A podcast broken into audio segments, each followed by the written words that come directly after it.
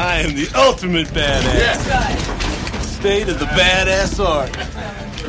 You do not want to fuck with me.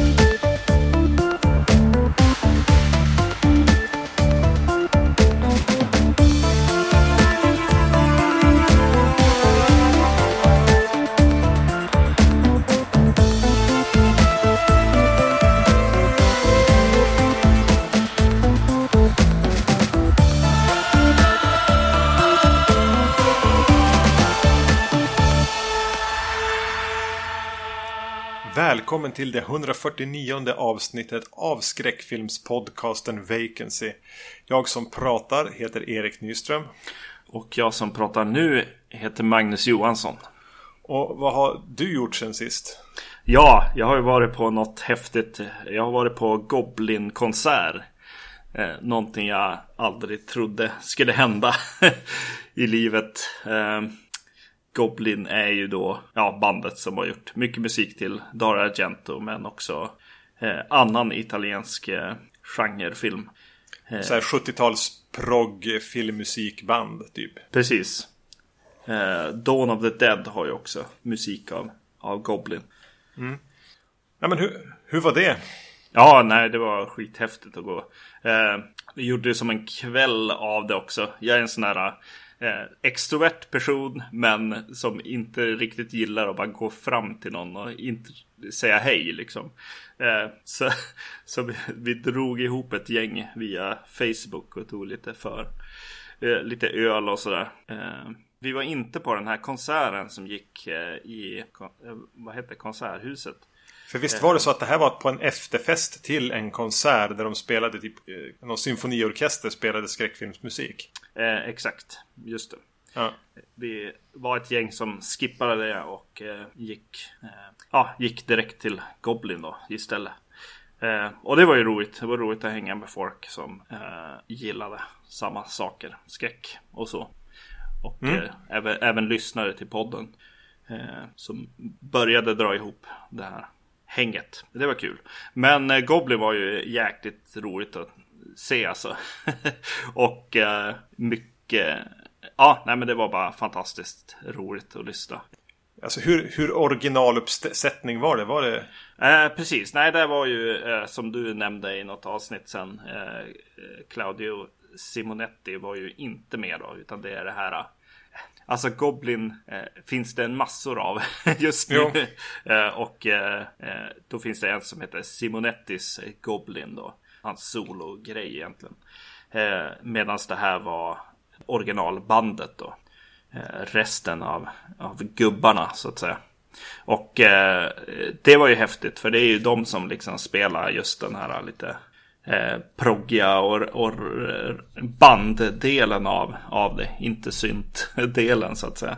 Eh, och det tycker jag var eh, jäkligt häftigt att se. En jag träffade där, eh, Martin. Ja, så vi snackade lite om det där. Och eh, han sa att eh, ja, det är ju det här man eh, på ett sätt vill se. Även om Simonetti väl eh, hade stor influens över den eh, musik som skrevs och hur den skrevs. Liksom. Men att det är ett roligare liveband det här definitivt. Eh, och ja, jag njöt verkligen. Och eh, de var ju så härligt så här lite eh, gubbiga så här. Men och vad heter det, eh, bjöd på trumsolon och annat och så här. Och det blev som lite mysigt så här. Var det mycket folk? Uh, ja, nej det var inte full lokal direkt men eh, jag frågade en annan kompis där om eh, hur mycket det brukar vara på den här eh, på tillställningar där och då tyckte han att det var ganska bra med folk liksom ändå. Man behövde inte stå och skämmas över att ingen kom dit. Nej, precis. Eh, mm. Spelade de någonting från eh, Non Hosono? Ja, det gjorde de. Ja, men vad bra. Yes. Ja, det var, det var nice faktiskt. En av de eh, schysstare grejerna de spelade. Just det, och så spelar ju Vargtimmen eh, podden. Thomas och Lars eh, spelade ju musik före och efter också. Var du dit och önskade någonting? Eh, ja, jag önskade eh, Jag önskade Falling med Julie Cruz Men eh, gick strax efter jag önskade den Så jag vet inte om de spelar den Men de spelade dock våran intromusik Vilket var kul till podden alltså. Va, va, jag blir nästan lite generad. Mm, eller hur? ja, det var fint. Jag får tacka för. Du börjar vara den här som är ute och nätverka och jag är som Vacancies Unabomber eller någonting. Precis. Yes. um, ja, just det. Bill Paxton. Precis, i det här avsnittet ska vi prata om Bill Paxton som ju eh, gick bort den 25 februari va? Mm. i år. Eh, blev 61 år och eh, han är ju en verkligen nördarnas skådespelare på något sätt, tycker jag. på något sätt. Eh, eh, kultklassiker skådis på något sätt. Ja, fast ändå eh, snäppet ovanför en sån som Bruce Campbell eller någon. Ja, jo, jo, precis. Så, eh, mer på allvar. Mm, jag har alltid tänkt, Bill Paxton hör till det här gänget så Magnus-skådisar. Ja. Som du pratade om långt innan jag ens riktigt visste vilka de var. Mm. Bill Paxton, Bill Pullman och Willem Dafoe. Finns säkert några fler också men det är de jag kom på på rak arm. Bill Pullman. Ja, okej. Okay. sure. Uh, ja, uh, jo men det är det nog. Jag har nog gillat honom sådär.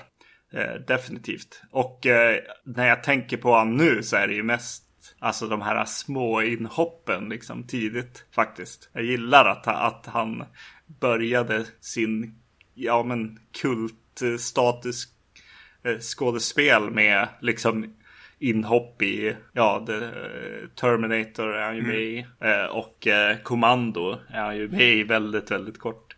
Eh, vilket är, är skönt. Men annars är det ju Aliens va? Det är väl hans stora claim to fame. Ja, precis. Eh, jo, precis. Det är ju han. Eh, vad heter han? James Cameron som, som eh, har använt Bill Paxton. Det känns lite grann som en maskot i vissa avseenden. Ja, precis. Jo. Definitivt. Tråkigt eh, och väldigt oväntat att han gick bort eh, alldeles för ung. Ja. Men eh, vi tänkte inte prata om några av hans mest kända filmer. Nej. Tvärtom. Precis. vad är det för tre filmer vi ska ägna oss åt? Precis, jag satt och scrollade igenom hans IMDB-lista. Precis som jag gör just nu. Och hittade i tidig karriär så hittade jag tre skräckisar.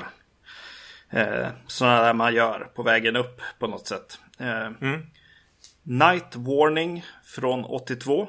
Deadly Lessons från 83. Och Mortuary från 83 också. Han är väl inte med jättemycket i alla de här filmerna. Men det är väl inte det viktigaste kanske.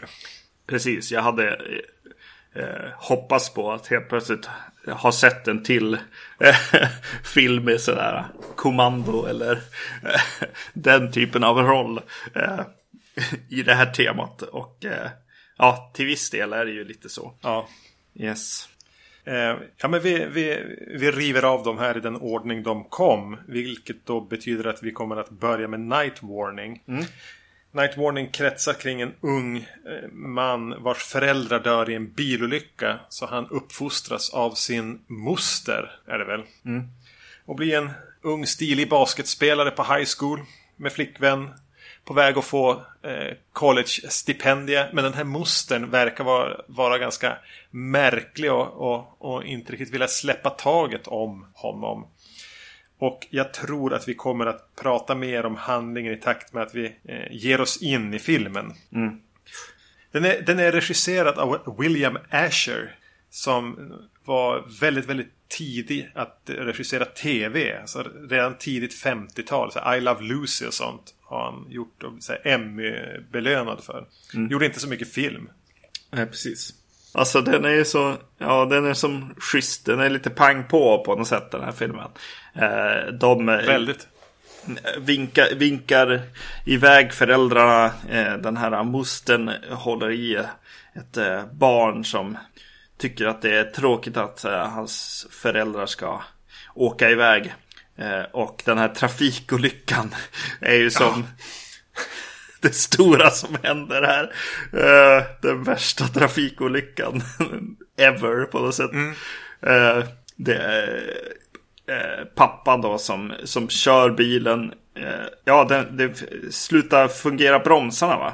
Ja. på bilen. Och så sen så kör han rakt in i en sån här stock som, som hänger ut bak i en släp på någon lastbil.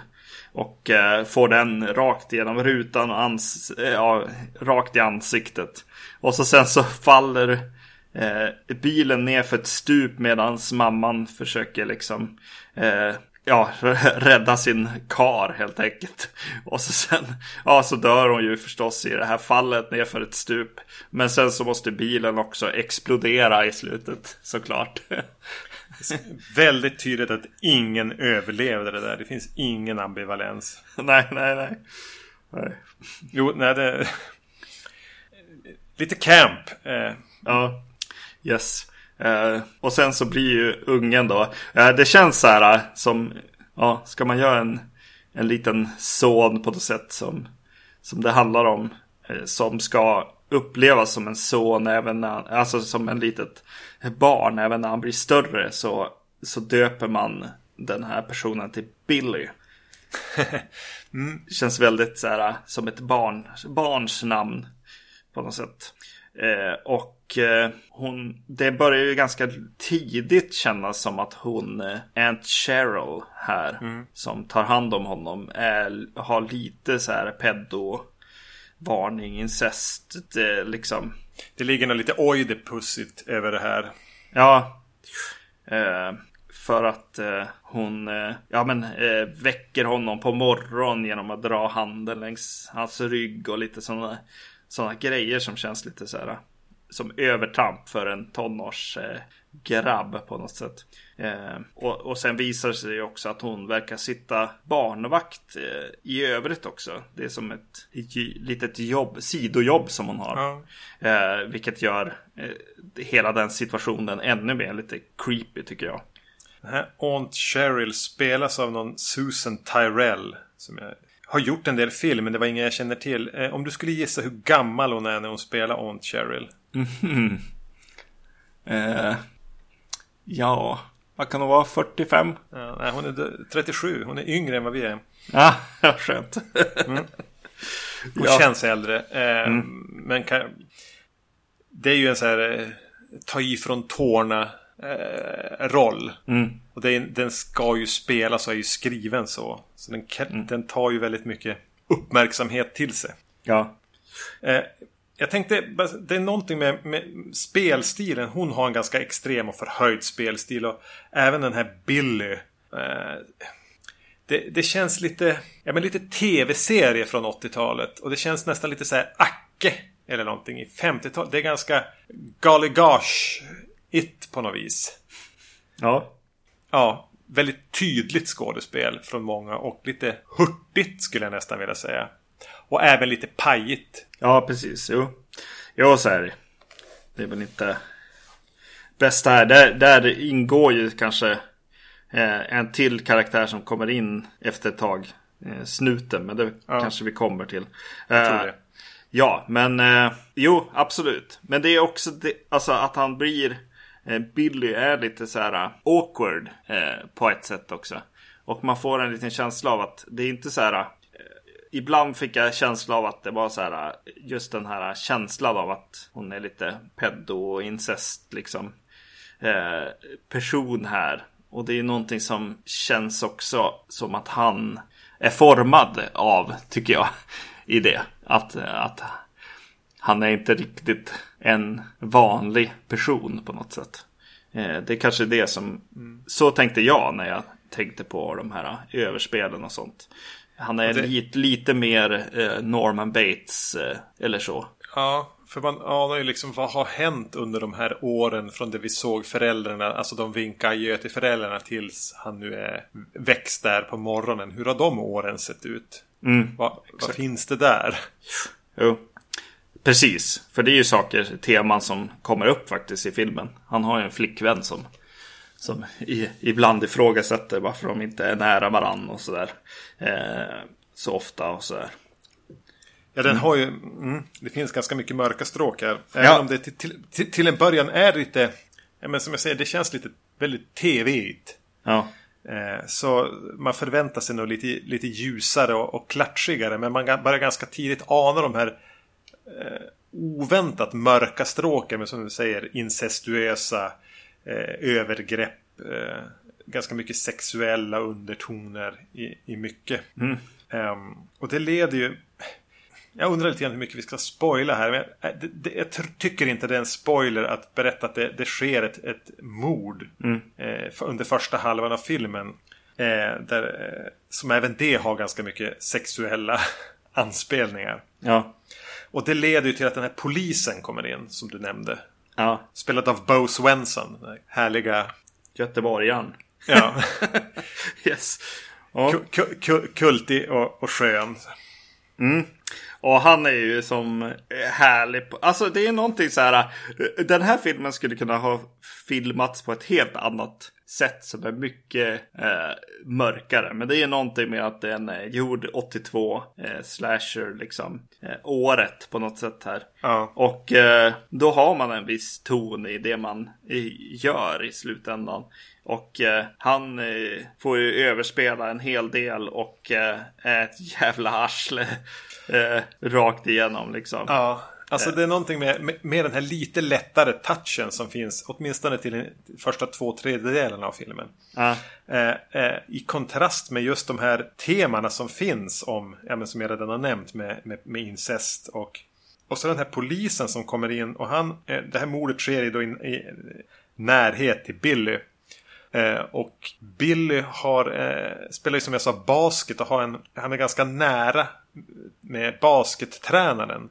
Och den här baskettränaren är väl, och är han öppet homosexuell eller är han hemligt eller är han ens homosexuell? Han är, ja, precis. Han är väl Ja. hemligt det. Och, Hemligt homosexuell, någonting som den här polisen nosar upp. Ja. Och är övertygad om att det här mordet på den här mannen som blir ihjälhuggen med en kniv, att det, har, det handlar om ett, en, ett kärleks... Ett triangeldrama. Mellan då Billy, baskettränaren och den här mannen som är död. Mm. Utan att egentligen någonting tyder på det. Nej, precis. Det är en sån där snut som bara bara, så här är det.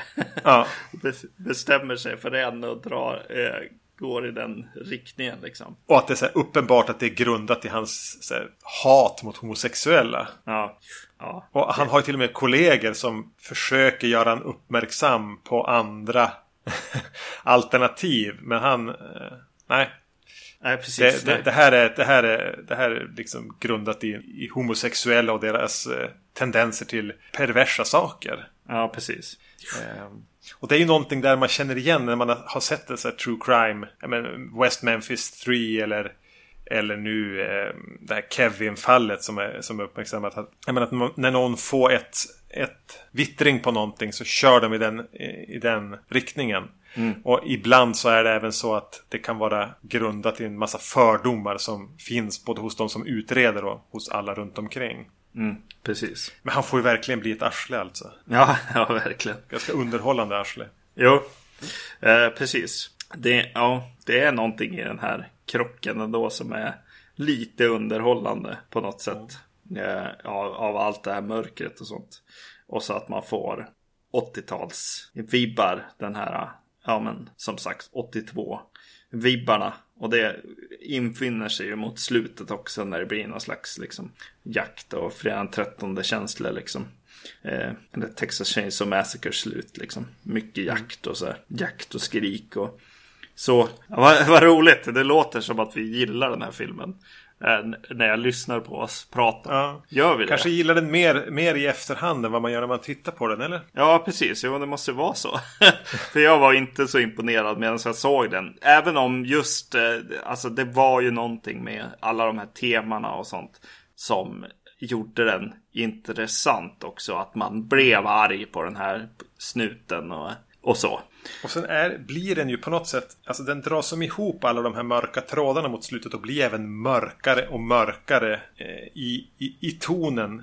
Eller vad man ska säga, i, ja, dels, dels blir det fler nattscener, dels får liksom galenskap ta större plats. Det blir eh, det här lite 50-taliga, TV-iga, ackeiga eh, försvinner. Eh, Och den tillåts bli mycket mer mörk och cynisk och nästan lite gotisk. Det är ganska snyggt. Ja, Ehm, precis.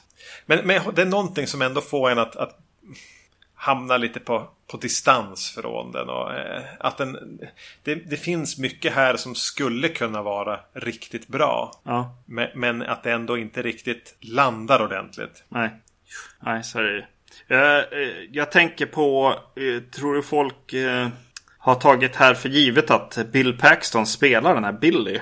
Det kanske de gör. Men det, det, det någon, vad heter han? McNichol någonting som gör det. Eh, precis. Ganska, ganska dålig. Ja, precis. Det stämmer inte alls. Utan eh, Billy, eh, Bill, Billy Paxton, Bill Paxton spelar eh, Eddie som är en bully som, som dyker upp och skämtar om om Billy och coachens rela relationer och, och lite sådana grejer liksom. Och mm. eh, är väl eh, lite avis på Billy som är på väg att få något stipendium eh, mm. i basket. Eh, så han är basket, eh, med i basketlaget. Men är en riktig bully som i slutändan får eh, lite stryk av Billy här. Häller mjölk på Ja, precis. Ja. Men här får du ju eh, Bill Paxton i en, i en Terminator cameo-roll i princip. Ja, precis. Jo. Det skulle gå att klippa ut bort ur filmen och det skulle inte påverka allt för mycket. Nej, nej inte alls. Precis, utan, utan han representerar ju bara någonting att så här, ja, det är inte så kul i skolan heller liksom på något sätt. Det är som, som jobbigt all around för, för Billy här. Han är rätt skön där Bill Paxton ändå. Som den här lite Texas-släpiga han, han, han ska ju göra den här typen av karaktärer på något vis. Han har någonting kaxigt över sig. Man tänker på Near Dark eh, framförallt kanske. Att, ja. han, att han drar, drar åt det hållet i den här rollen. Ja, det skulle kunna vara den karaktären egentligen. Mm, mm. Men alltså, jag, jag, skulle vilja se en uppfräschad, eh, fin Blu-ray-utgåva av Night Warning. Och se om den och se om jag kanske skulle, att den skulle falla på plats mer då. Eller att den kanske till och med tjänar på att ses en andra gång när man är lite mer inställd på vad man ska få. Även om det är rätt kul att bli överraskad av att den har lite mer allvarliga toner och gör lite oväntade kringelikrokar. Mm. Men, men, en, men en finare version av den, restaurerad och, och, och så vidare, skulle jag inte ha något emot. Eh, sant. Alltså till saken i, i den här avsnittet ska vi väl säga att vi har sett alla de här på YouTube egentligen. Ja. Och det är jätterisiga VHS liksom eh, överföringar på något sätt till YouTube som vi har hittat. Eh, för de är ju ganska obskyra de här filmerna. Ja, framförallt Night Warning och Deadly Lessons. Jag tror att Mortuary går att få tag i. Ja, precis. Eh, men eh, Mm. Det här förtjänar ju en, en ordentlig utgåva. Kan jag tycka. Ja, ja precis. Eh, det blir ett problem med, med avsnittet egentligen. Just för utgåvan eller vad man ska säga. Eh, hur vi såg den. För att det är man kan inte egentligen avgöra eh, saker som foto och, och så vidare egentligen. Eh, tycker jag i alla fall. Eh, och drar ner faktiskt lite av, av känslan i en del av de här eh, filmerna. Det om det egentligen. Eh, mm. Men ja, eh, vad roligt att prata om den här filmen. Night Warning, definitivt. Eh, ja, den var, ja, den var, den var häft, häftigare än vad jag eh, upplevde den som då, känner jag nog nästan. Mm. Eller jag var, ju, jag, jag, var ju mer inne i den här filmen än, eh, än jag trodde i efterhand tror jag. Mm. Inte så tokig är väl betyget jag skulle ge den. Nej, precis. Mm. Yes. Eh, då går vi vidare till eh, Deadly Lessons från 83, året efter. Mm. Jag har svårt att inte tänka att det är så här häxor, läxor och dödliga lektioner. Just det. Heathers. Eh, men det är det inte alls. Nej. Eh, Deadly Lessons utspelas på eh, en flickskola sommarskola för extremt rika och bortskämda tonåringar som behöver antingen läsa in något betyg eller eh, finputsa något betyg mm. inför den fortsatta höstterminen. Eh, vi presenteras för några olika flickor som börjar dö en efter en. Och eh, om vi redan här då, om vi avslutade egentligen med att prata om bildkvaliteten på, på Night Warning så kan vi börja med det här. För det här var den som var risigast. Mm. I alla fall det jag såg. Vi, det är inte säkert vi har sett samma här. Nej. Eh, hade du reklamavbrott? Nej, nej. Nej, det hade jag. Ja. Det var ganska kul för den verkar ha sänts på tv då. Ja men någon gång på 80-talet. Eh, det var, det var så delar av, av reklamavbrott. Någon har klippt bort dem men inte riktigt allt. Jag fick se så här schyssta reklamer för typ Tic Tacs. Och, och så dök det upp en ruta. Så här, eh, now. Alltså vad den visade nu. Och den var, det var Deadly Lessons. Och så, så vad som skulle komma efter var en film som heter House of Dark Shadows. Så den verkar vara i något sånt där skräckmaraton. Gissar jag att den, att den har plockat den från tv. Eh, precis. Eh, Jag hade, det var, det var, ja vad skulle du säga? Nej, jag skulle bara säga att ja, det här är ju en tv-film också. Ja. Ja. Och, och eh, som sagt var, det var så risig kvalitet i vissa avseenden att jag hade svårt att se skillnad på skådespelare. Jag visste eh, i det jag hade kollat innan att Ali Sheedy skulle vara med. Just det. Eh, och eh, jag trodde att hon spelade huvudrollen under de första 10-15 minuterna. Ja. det, det, ja. Eh, den här filmen, ja precis. Det, det, är en, det är en tjej som är så här eh, lite mindre rik än de andra som kommer Ja. dit. Eh, och eh, ganska snabbt in i den här filmen så börjar jag, ja som sagt, kanske av bildkvalitet men också av att jag börjar känna igen folk. Så var jag på, på IMDB och började kolla upp så här. Och det är ju en riktigt skön sån film på något sätt. Där man Jo, kan jo. kan eh, googla sig till, eller IMDB sig till eh, lite folk här. Eh, för det dyker ju upp, eh, ja Bill Paxton dyker ju upp här. Han spelar Eddie Fox. Eh, och eh, han tar hand om hästarna på skolan. ja. Får se Bill Paxton rykta en häst och vara en misstänkt mördare. Ja, precis. Och eh, det är så härligt också tycker jag för att just med, med det här med hästarna för att hon, huvudkaraktären, att hon har hon är lite så här uppväxt på en, en bondgård och eh, ri, kan redan rida hästar liksom. Men, men eh, de ska ju lära sig rida hästar som rika människor på den här skolan. Eh, det ska ju vara fint liksom. Eh, tyckte jag var en rolig detalj i hur, hur utanför hon är på något sätt här. Eh, och på tal om huvudrollen då. Eh, är, Diane Franklin. Ja, precis. Hon är ju eh, dottern då i Amityville 2. The Possession. Med i det här lite... Hon har, hon, hon har sex med sin bror va? Ja, precis. Ja. Exakt. I den. Den sjuka lilla filmen. Ja, eh, precis. Som växer och växer den filmen. Eh, i, ja, eh, när jag tittar tillbaks på att vi pratade om hela Amityville-serien. Eh, så Ja, det är den- den som man minns mest va? Visst är det så? Ja, precis. Den blir bara bättre och bättre på något sätt i, i minnet. Eh, mm, nej, så det är... Hon, hon, är även med i en film som heter Better Off Dead. Som var en av mina så här, favoritfilmer när jag var 12, 13, 14. Just det. Eh, såg om den för så här 15 år sedan. Eh, den kanske inte var lika bra då. Eh, John Cusack är med. Men hon är sjukt charmig i den. Eh, Hon har ändå någonting, Diane Franklin. Ja, absolut. Nej, det var roligt då. Och att hon eh, var huvudkaraktär här. Är Funkar. det några fler då? Eh, precis. Eh, och sen har vi Renee Jones som är med i Fredagen 13 6. Eh, eh, som är med. Hon är... Ja, eh, jag, mm, nej, ingen jag kände igen. Men å, å andra sidan som sagt, jag trodde att Ali Sheedy spelade huvudrollen. När det egentligen var Diane Franklin, som jag ju känner till. Ja, precis. Eh, precis. Hon är den eh, mörkhyade Mm. eh, kompisen. Eh, ja, och Ali Sheedy är ju då från Breakfast Club då, såklart. Brat Pack. Precis. Ali. Och eh, sen är ju Nancy Cartwright med också. Bart Simpson. Eh, är ju med här också. Ah, du har gjort bättre research än vad jag har gjort. Vem, hon var också en av de här Ja, ganska precis. svåra att skilja på tjejerna. Ja, hon är, hon är en bl- blond, eh, Den blonda korta. korta, ja precis. Ja. Som, som eh, ger upp till slut.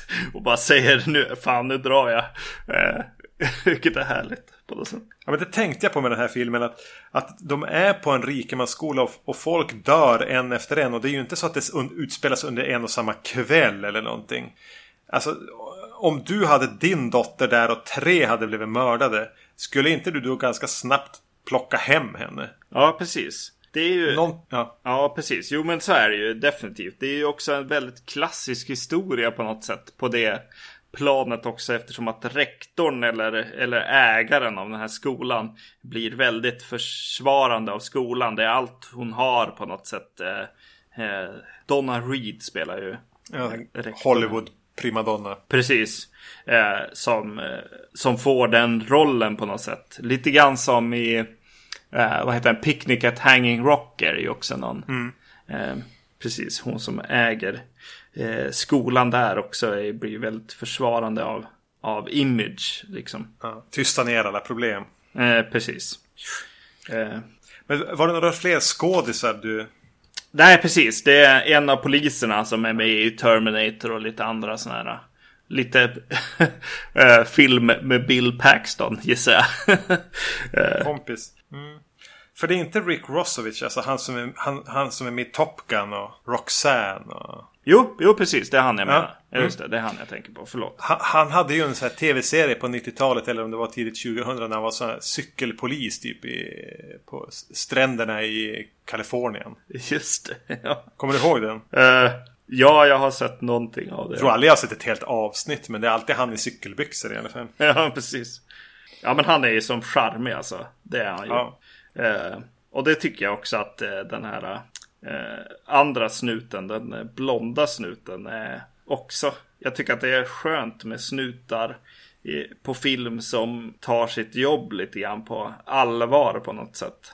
Eh, och faktiskt hänger med och, och kollar upp saker och, och är de som faktiskt eh, får ledtrådar och sätter saker i perspektiv på något sätt. Jo. Vilket ju då gör då Diane Franklin då, karaktär eh, ganska värdelös.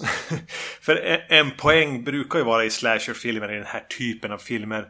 Att polisen är, ut, är fel ute eller, eller inkompetenta och vi har istället hjälten eller hjältinnan som måste göra det riktiga jobbet. Men hon går ju bara runt och så här, kramar böckerna i famnen här. Ja, Um, hon är ju bara huvudroll för att någon har bestämt sig för att hon ska vara det. ja, precis. Jo, men alltså det finns ju inga riktiga karaktärer. Det finns bara mysteriet. Alltså det är Ja. så här tv-films whodunit det här. Eh, och eh, att alla är misstänkta på något sätt ändå. Vilket de påpekar hela tiden i dialog. Ja, i dialog. De här flickorna som, som får stå och gnabba eh, och dessutom skrika namnen på varandra. Så att vi ska få veta vad de heter. Eh, och även stå och säga Vem kan ha gjort det här? I grupper med jämna mellanrum. Precis. Och mycket, mycket sånt. Polisen säger, jaha, du hittar den här handsken i det här rummet. Men vi som sökte igenom det rummet väldigt, väldigt noggrant. Du, du, du, du. Eh, Lite så eh, känns det som. Och det händer jättemycket i dialog, definitivt. Ja. Alltså när hon anländer, redan från början, när hon anländer till skolan. Eh, för att presentera hela setupen. Så, så har de en massa dialog. Hon säger till taxichauffören. Ja, som jag sa. Så är det ju skönt att det är sommar. Och det är inte så många här. Till att börja med liksom. Att det är sommarskola. Och så bara, okej, ja, okej, jag fattar. Det är inte så många som jag behöver hålla, alltså vart är allihopa? Och så vidare liksom. Det är väldigt mycket så här. Som att folk skulle kunna säga, jag är Bill Paxton. Jag är den roliga skådespelaren. Eh, Lite så. Nej men det blir ju verkligen att de bara Ja men du Magnus Johansson, vad tyck, vad, vad, vem tror du kan ha mördat Jag ska inte säga någon namn för då kommer någon att kunna associera det till någonting. Men alltså sådär eh, Eller vad tror du Hasse, Hasse, Hasse Larsson? Tror du eh, att Julius Lindqvist verkligen var där han sa att han var? Alltså Det blir så här in absurdum att det ska vara namn ska presenteras och hamras in och, och hela handlingen ska vara via dialog. Allting i dagsljus, eh, tv-foto och som sagt var då eh, fruktansvärt risig kvalitet. Den här kommer ju aldrig att släppas på, på, på DVD eller Blu-ray eller någonting. Nej, Om inte liksom Bill Paxtons död gör att eh, något bolag vaknar till liv. Men jag kan inte tänka mig att någon är beredd att lägga ner pengar på att restaurera det här. Mm. Men eh, samtidigt är den väldigt ärlig med vad den är på något sätt tycker jag. Alltså att det, det, finns inga riktiga karaktärer utan de är pjäser liksom. Och jag tycker att det, det går igen som du säger med fotot. Även med så här skräckfilms eh, eller musiken liksom. Den känns mm. också väldigt så här tv-film, stock eh, eh, music som de har hittat i något, eh, någon gratis eh, bibliotek lite grann. Som ändå så här sätter tonen på något sätt. Det är inte på liv och död den här filmen. Utan det Nej. är det är sitta och sappa liksom. Eh, på så sätt kändes det för mig ganska rätt att få se lite så här klipp av amerikansk reklam. Ja, just det. Precis. Ja.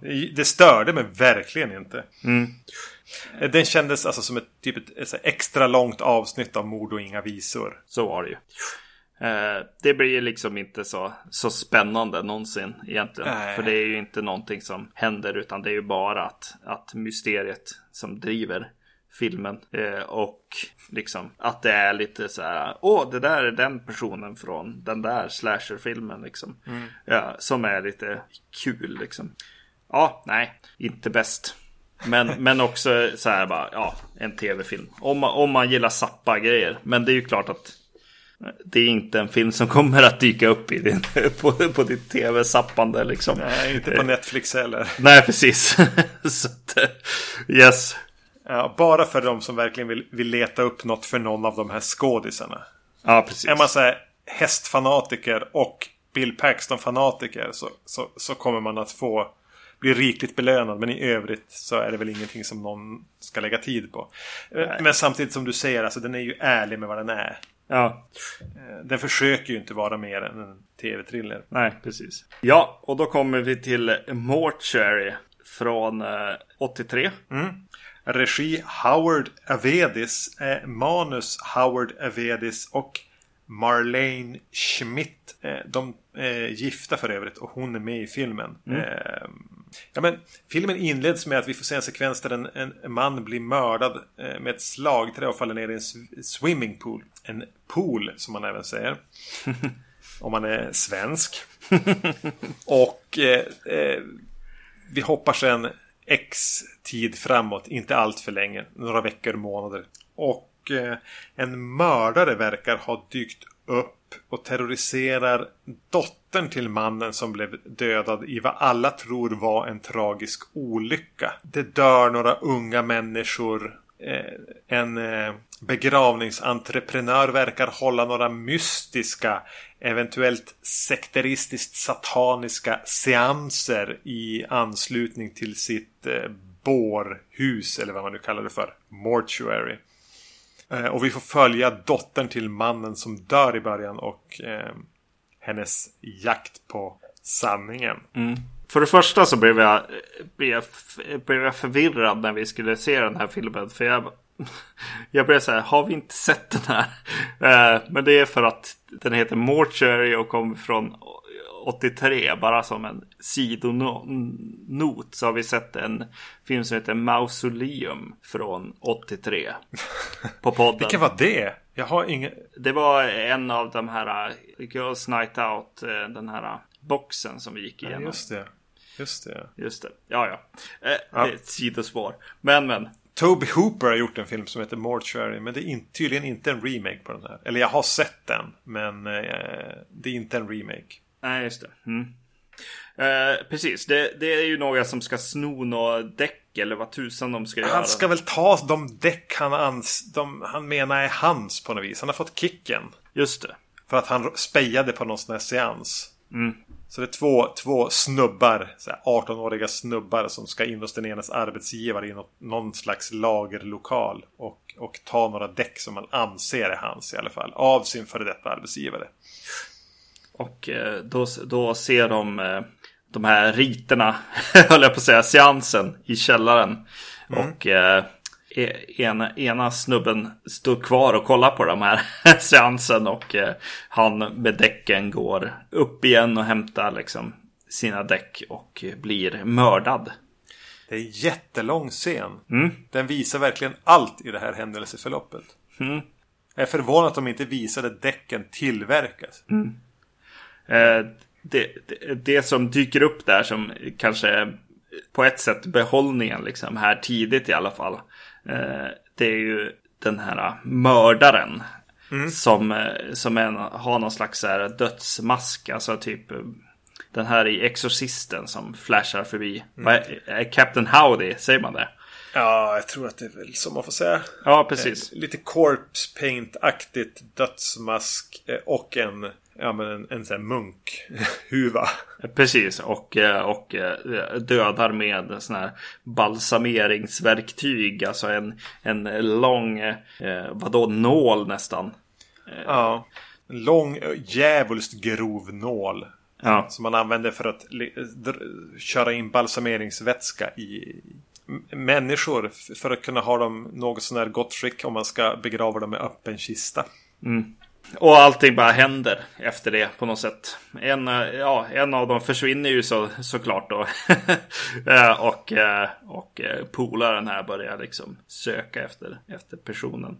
Alla scener är väldigt långa i den här filmen, är de inte det? Mm. Jag, menar, jag tänker på den här första scenen som på något vis leder upp till att en dör och den andra letar efter. Och han är även då pojkvän till kvinnan vars pappa blir mördad med ett slagträ. Mm. Eh, Men vi tillbringar väldigt länge med val- varje sekvens. Vilket man väl kan ha blandade åsikter om. Alltså någonstans är det väl lite lite skönt ändå. Den tar ju sin gode tid på va- varje förlopp. Ja. Ja, jag vet inte riktigt vad jag ska tycka om det. Nej, nej precis.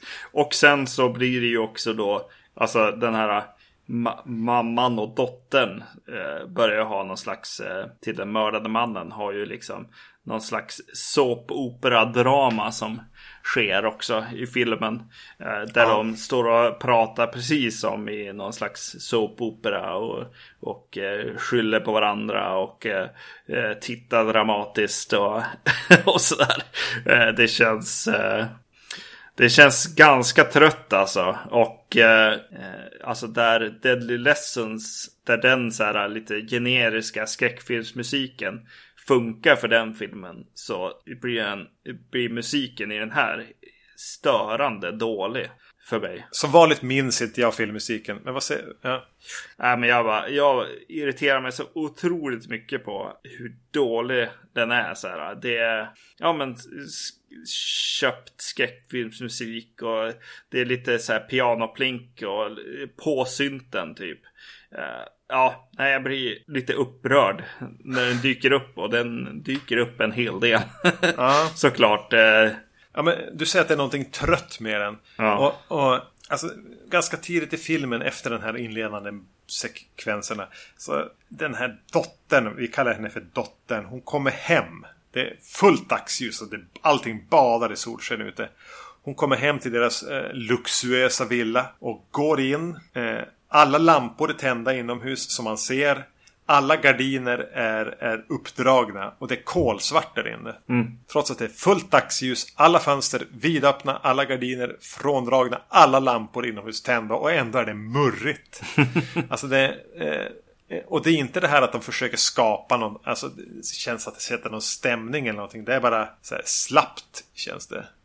Ja, men vi hade ställt in de här inställningarna på lamporna. Nu kör vi på det. Ja, precis. Ja, nej, eh, jag vet inte. Ja, och så blir jag så här. Ja, jag blir lite irriterad på så här. Eh, de gör några så här försök liksom att titta på Black Christmas och Halloween liksom och gör den här först eller och fredag den 13 för den delen. Att de har första personskamera så här med tung andning och och så här hjärtslag och grejer. Och det är precis som musiken, alltså det blir så här störande, liksom dåligt. Alltså helt utan eh, finess. Ja. Men, vad- vad- tyckte du om mördaren då? Det vi får se av mördaren. Det är ju eh, behållningen på något sätt tycker jag. Ja. Mördaren är helt okej. Jag är med där. För jag jag står här, schysst mördare i mina anteckningar. Precis. Just det att de vågade på något sätt visa mördaren. Eh, Det här kan ha att göra med återigen YouTube. Men jag visste ändå inte vem det var. Nej. Och då är den bara så här hård, eh, som du säger, Captain Howdy-sminkad. Precis. Eh, som ju är liksom på temat på något sätt också. Eh, vilket är skönt. Och det, det blir också så här, ja men det blir ju den här Scream möter Exorcisten liksom. Med den här balsameringsslangen på något sätt som ja. vapen. Det, är, det är ju, finns ju någonting schysst där, absolut. Och det, det är någonsin, den mördaren, det, det, är länge lite oklart om det här är någonting som dottern inbillar sig eller drömmer. Eller om den här mördaren faktiskt finns och ser ut ungefär med, med den här kåpan och corpse paint och allting. Mm. Och den har sekvens där hon blir jagad kring en pool. Mm. Och någonstans där tänkte jag, men hur hade den här, det här manuset varit om, om typ Lucio Fulci hade regisserat den? Eller, eller till och med så här Lamberto Bava. Mm.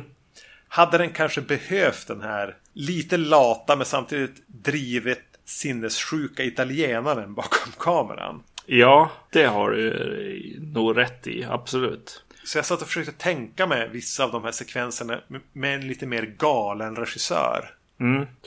Ja, det är sant. Den, den hamnar ju lite där också, tycker jag ändå. Alltså den blir ju rätt eh, over the top och eh, med hanteringen av psykisk ohälsa. Och det blir teatralt lite grann. Ja. Eh, ja, framförallt mot slutet så blir det definitivt det. Eh, när, ja men vad fan, när mördaren liksom står och eh, dirigerar musik framför ett, en ring med lik liksom. Ja. Eh, det blir ganska så teatralt som sagt. Eh, och det är ju nice och det säger, eh, det är ju precis. Och det hade varit ännu najsigare som sagt om filmen i, övrigt hade varit bra och regisserad av Lucio Fulci, I guess. Eller någon, någon sjuk fan. Ja, precis. Eh, och, och, på tal om Fulci så är ju Christopher George med och spelar eh, ja, men föreståndaren för det här mortuaryt. Just det, och Bill Paxtons far. Ja, precis. Yes. Eh, och Christopher George är väl åtminstone för mig mest känd från City of the Living Dead. Precis. Men, men i övrigt så är ju, eh, är ju en genreskådis eh, definitivt. The Exterminator, Pieces, Graduation Day, Grizzly. Eh, han dyker upp definitivt. Graduation Day såg jag rätt nyss. Jag inga minnen av att han var med. Eh, Nåja, sån här karakar. Ja, verkligen lite äldre variant av John Saxon. Typ. Uh. Nej, inte... Nej. Han har inte John Saxons varma ögon.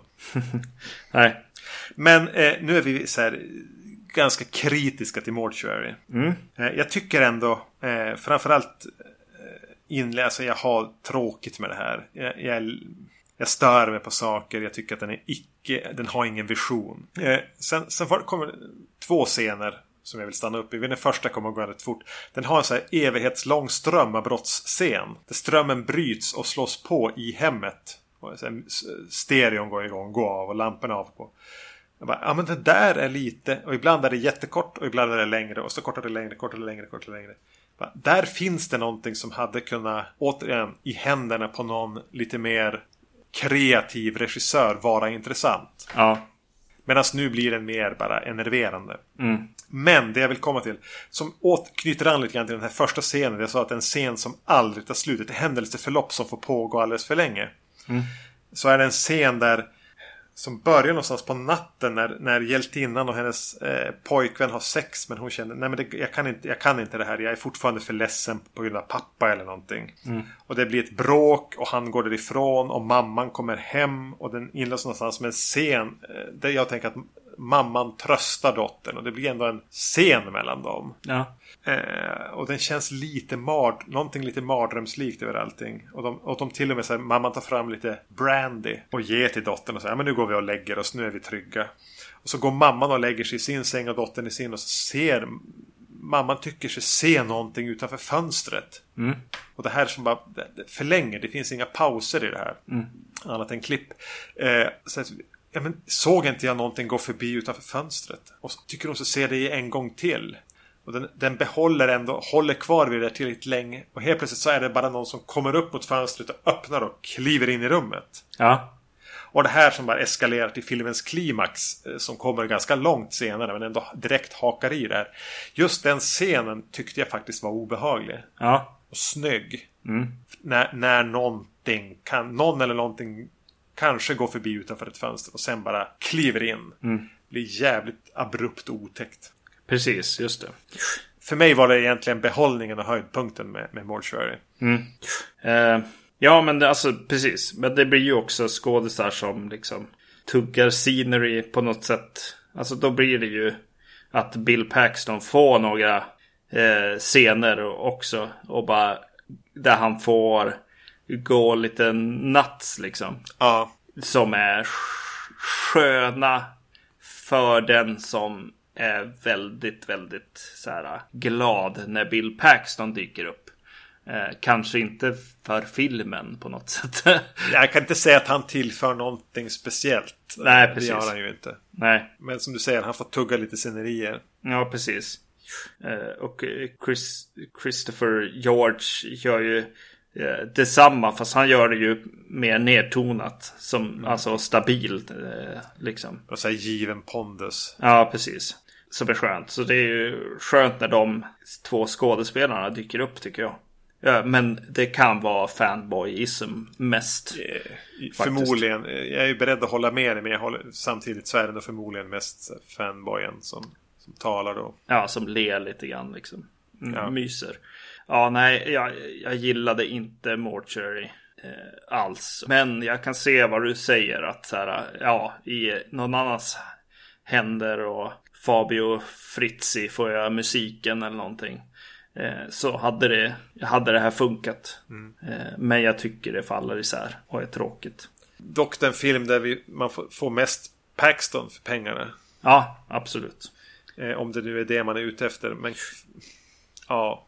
Jag tyckte scenen eh, so, som aldrig tog slut med, med någon utanför fönstret hade lite punch. Som gör att den ändå lyfter sig över det här in, ingentinget som, som Deadly Lessons var. Eh, men i övrigt så, så, så ja, är ju det här ingenting. Eh, man ska se. Eh, precis. Ja, alltså den är nog bättre än Deadly Lessons. Men eh, det var någonting med att jag hade, jag hade förmodligen checkat ut eh, tidigare i Deadly Lessons. Och det var därav ganska inlullad i det här att jag bara sitter framför tvn och det är någonting på skärmen liksom. Eh, så Mortuary har ju mer av intresse för en, någon, som gillar skräckfilm liksom än, än Deadly Lessons, absolut. Och eh, eh, vad kul att prata om Night Warning som sagt. Den blev ju snäppet bättre av det här samtalet, absolut. Ja men det, det, det får väl vara en uppmaning också att, att, att leta upp Night Warning på, på YouTube. Mm. Det finns att se där i sin helhet ett par olika varianter. Och, och eh, ta gärna vid diskussionen. Säg vad ni tyckte om den. Är den egentligen någonting som kanske är mycket bättre än vad man tror vid första anblick? Eller, särskilt eh, utifrån den kvalitet man har möjlighet att se den i. Eller är den som en missad möjlighet också? Ja, precis. Yes. kul sätt att hantera Bill Paxton. Och, och, och göra någon slags hyllning till honom. Eh, genom att se filmer han eh, är med i, i så varierande grad. Och få se skräckfilmer som jag inte hade sett tidigare. Nej, precis. Yes. Det här, det här, det här, det här konceptet gillar jag när en skådespelare går bort. Ja. Mm, det får vi komma ihåg. Eh, nästa gång om allt går i lås, eh, vilket får bli den här lilla brasklappen med tanke på att vi eh, tänkte använda oss av gästspel igen. Så blir alltså nästa avsnitt eh, Pet Cemetery och Pet Cemetery 2 tillsammans med Emil från Titta de snackar. Ja. Med Stephen King. Ja. Ni vet var man hittar oss på iTunes, eh, på vacancy.se. Man kan kontakta oss på podcastet vacancy.se eller på Facebook. Då säger vi adios. Hej då.